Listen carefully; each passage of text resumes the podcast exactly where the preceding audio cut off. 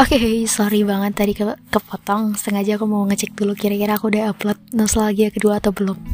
Jadi ini lanjutan nostalgia ketiga, yaitu tentang sahabat aku yang ketiga pas waktu aku sekolah remaja, anak sekolahan lah. Hai, kembali lagi di podcast curhat bareng deh. Jadi kali ini aku pengen lanjutin nostalgia yang pertama udah, kedua udah, ketiga udah.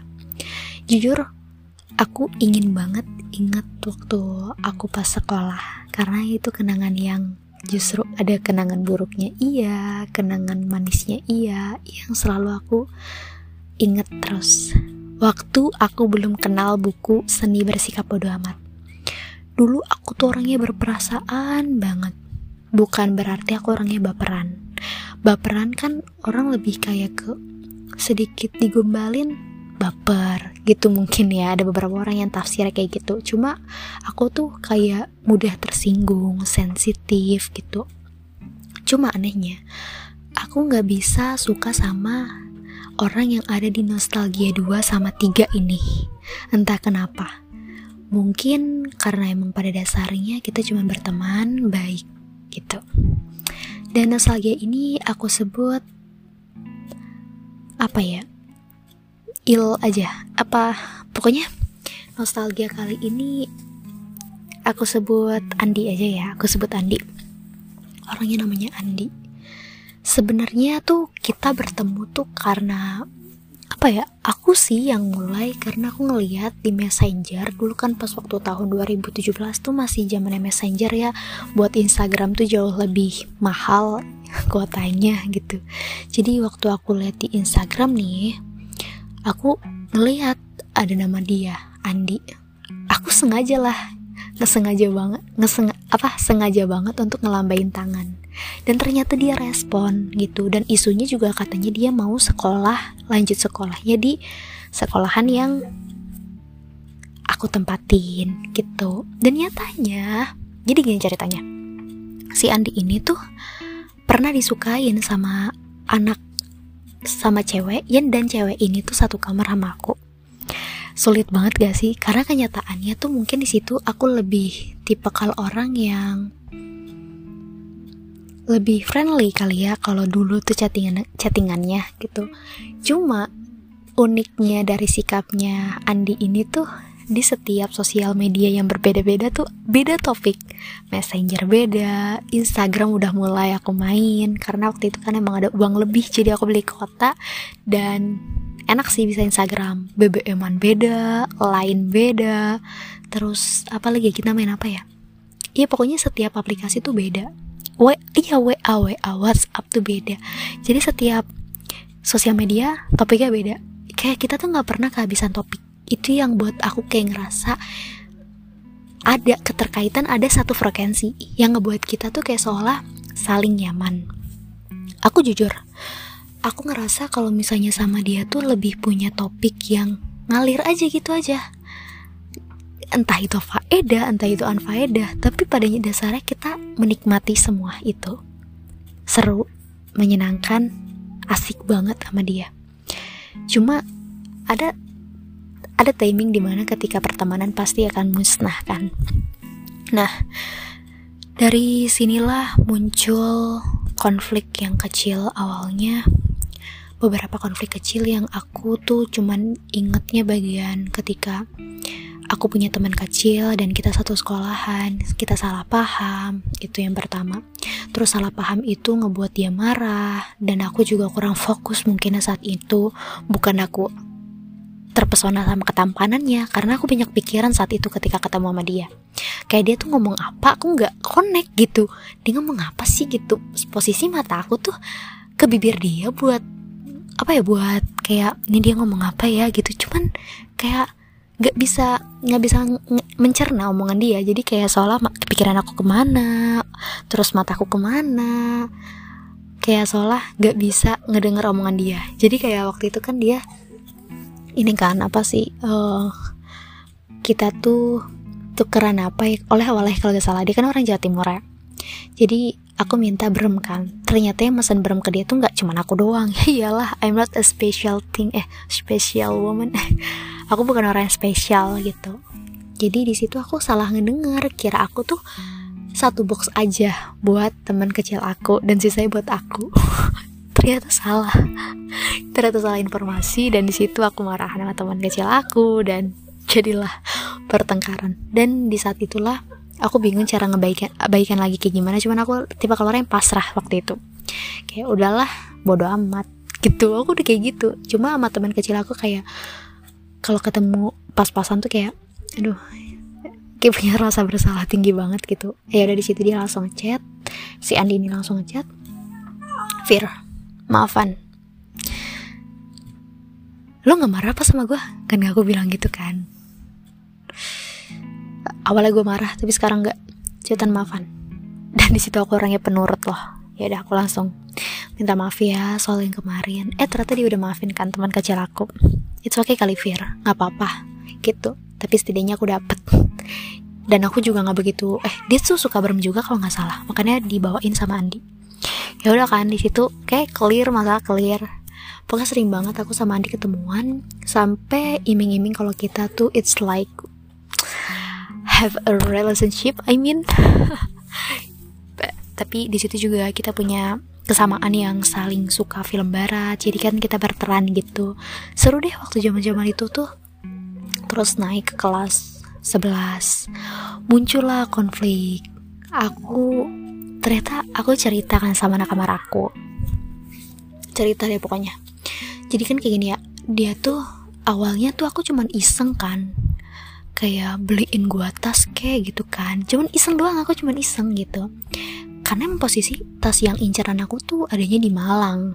Ya mau gak mau aku nitip ke dia lah karena emang satu satu daerah gitu lah. Bukan satu daerah maksudnya lebih dekat lah. Gitu rumah dia lebih dekat sama Malang dibandingkan aku bakal ongkirnya gede banget. Ya udah kan di situlah posisinya ketemuan terus aku di situ dibilang kan udah pakai duit gua aja ongkirnya lo yang bayar. Inget banget nominalnya tuh 13 ribu kalau nggak salah buat ongkir. Ya udah kan akhirnya tasnya ada.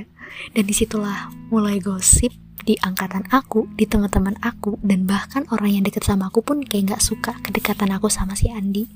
Dan justru teman kamar aku ini kayak seolah it's okay aku dekat sama Andi. Cuma masalahnya tuh di luar sana teman-teman aku yang lain kayak Firda sama Andi tuh punya hubungan apa sih gitu. Sampai aku kan punya geng ya. Jadi anak geng anak geng aku tuh ini kan uh, satu satu apa sih satu kamar sama yang nanya itu ya udah kan di situ langsung deh oh enggak. Dia cuma teman doang kok. Oh iya kah? Itu kan. Besoknya aku pakai tasnya. Bukan pakai tasnya maksudnya tas pilihan yang aku aku beli tapi ternyata dia beliin. Padahal cuma iseng doang kan. Pakai duit lu ya gitu. Ya udah dia langsung bilang pakai uang ongkir aja. Ya udah. Uang ongkirnya dibayar sama lu. Eh di situlah aku aku senang banget temenan sama dia. Kayak kita tuh diem-diem bawa HP karena emang gak boleh HP kan gak boleh bawa HP ya udah kita teleponan tuh palingan tuh awalnya tuh setiap hari kita teleponan. Parah gak sih? Udah ke teleponan iya ketemuan juga iya. Kan emang kayak apakah kurang kita untuk ngobrolnya tuh kayak seolah tuh punya ribuan topik yang gak pernah ada habisnya. Kayak selalu ada cerita setiap harinya. Ya udahlah di situ aku langsung kayak eh di kayaknya kita teleponannya malam minggu aja deh gitu kan. Emang udah tradisi orang-orang malam minggu tuh pada watching lah atau nonton bareng atau gak ada beberapa orang yang lagi diem-diem pacaran tuh nelponan sama cowoknya sama ceweknya gitu. Dan aku ya teleponan sama si Andi ini ya udah kan it's okay. Cuma aku nggak enak lah sama anak kamar aku yang pernah suka sama Andi ini. Yang selalu mengharapkan Andi tuh bisa sekolah tapi nyatanya malah temenan sama aku. Malah deketnya sama aku. Bahkan beberapa cewek tuh yang deket sama Andi tuh seolah kayak menspesialkan ke aku aja. Padahal aku udah bilang jangan terlalu nonjol ke aku. Ntar malah kelihatan kayak gimana gitu aku bilang kan. Santai aja lah Fir santai dibilang gitu kan. Sampai kalau malam minggu tuh aku selalu numpang ke temen geng aku. Numpang balkon. Ya udah kita teleponan di situ sampai jam 2 udah mana tuh besoknya kita harus jogging bareng-bareng rame-rame. Seru banget kenangan yang paling aku suka yang gak pernah aku lupain pas waktu sebelum aku kenal buku berseni bersikap bodo amat. Dan di situlah kebahagiaan aku aku coba ceritakan ke, ke salah satu teman kamar aku yang aku percaya. Dan dia terus dan dia tuh kasurnya samping aku kan. Jadi apa pun cerita sama dia. Dan dia tuh penasaran ternyata teman kamar aku nih yang aku cerita sama dia. Dia penasaran banget si Andi ini orangnya emang kayak gimana sih? Seunik itu, seasik itu yang diceritain sama Firda. Mungkin aku tipe kalau orang yang dulu suka banget ngeracunin orang sampai orang keracunan kali ya. Nah, ya udahlah. Di situlah muncul. Aku tuh awalnya ngebantu, ngebantuin aja, ngebantuin teman kamar aku yang penasaran si Andi ini. Tapi pada kenyataannya, wah, dia deket guys. Ah, jujur pada saat itu aku cemburu bukan cemburu soal aku karena aku suka sama Andi bukan karena aku seolah kehilangan temen lagi aku udah kehilangan orang yang ada di nostalgia satu. Aku udah kehilangan orang yang ada di nostalgia dua. Mereka berdua sahabat aku dan udah sibuk sama pacarnya. Sedangkan aku baru ketemu sama si Andi dan aku ngerasa oh my god aku ngerasa aku masih bisa yang ngerasain sebahagia ini. Dan di situlah teman kelas aku ngedukung aku sama Andi. Dan kamu ingat orang yang pernah ya orang yang sekamar sama teman geng aku terus nanyain hubungan aku sama Andi itu apa sih temen atau apa dia lebih ngedukung aku sama Andi. Karena pada kenyataannya ketika si Andi ini deket sama sama teman kamar aku ini Andi justru jauh lebih berbeda. Dan bahkan adiknya Andi pun lebih mendukung aku sama Andi. Wah makin unik gak tuh ceritanya jadi sebenarnya tuh di situ ketika aku udah kelas 12 move on untuk inget kenangan manisnya tuh jujur sulit banget. Kayak orang yang kehilangan seseorang dan orang itu udah lupa. Aku seolah ngerasain banget dan aku seolah pernah ada di posisi Firda yang ngerasa tersakiti Iya jujur, waktu itu ya pernah ada satu segmen di mana kan waktu itu corona ya Jadi kita semua nggak boleh pulang dulu Karena emang di luar tuh corona masih diperketat banget ya lagi masa Apa sih namanya Aduh lupa Duh, sumpah saking ngeblengnya. Jadi di situ tuh pokoknya kan kita ke kantin beli persediaan makanan kan. Aku teman-teman aku sama anak kamar aku. Ini kan udah kelas 12 ya. Dan di situlah titik di mana kita pas-pasan.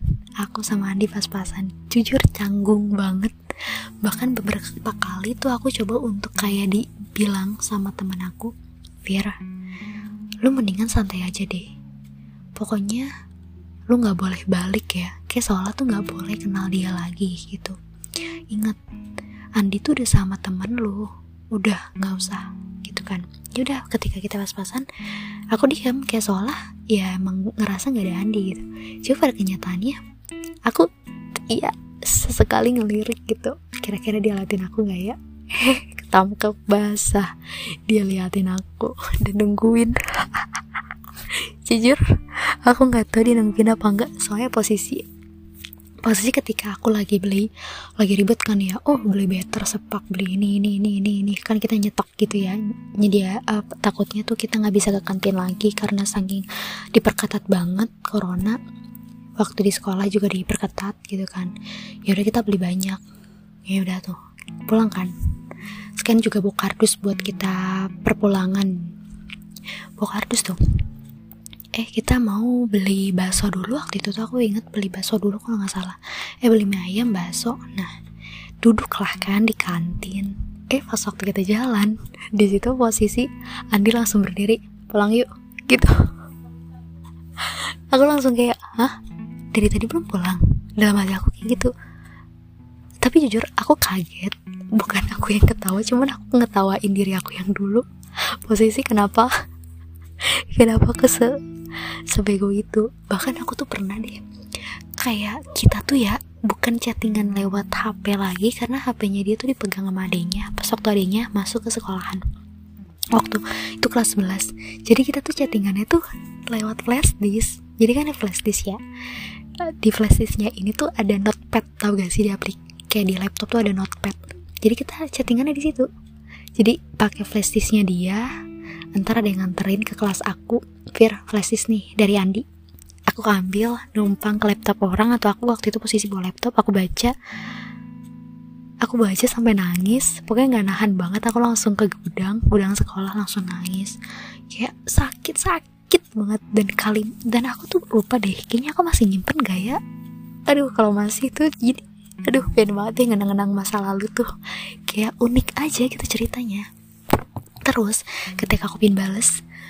Jadi kalau kita kalau nggak dibales ya posisinya aku bakal bilang tolong kasih kandi ini nggak usah dibales. Gitu. Jadi aku tinggal bilang kayak gitu. Jadi ada perantara di antara cewek dan cowok gitu. Jadi kita nggak bertemu langsung.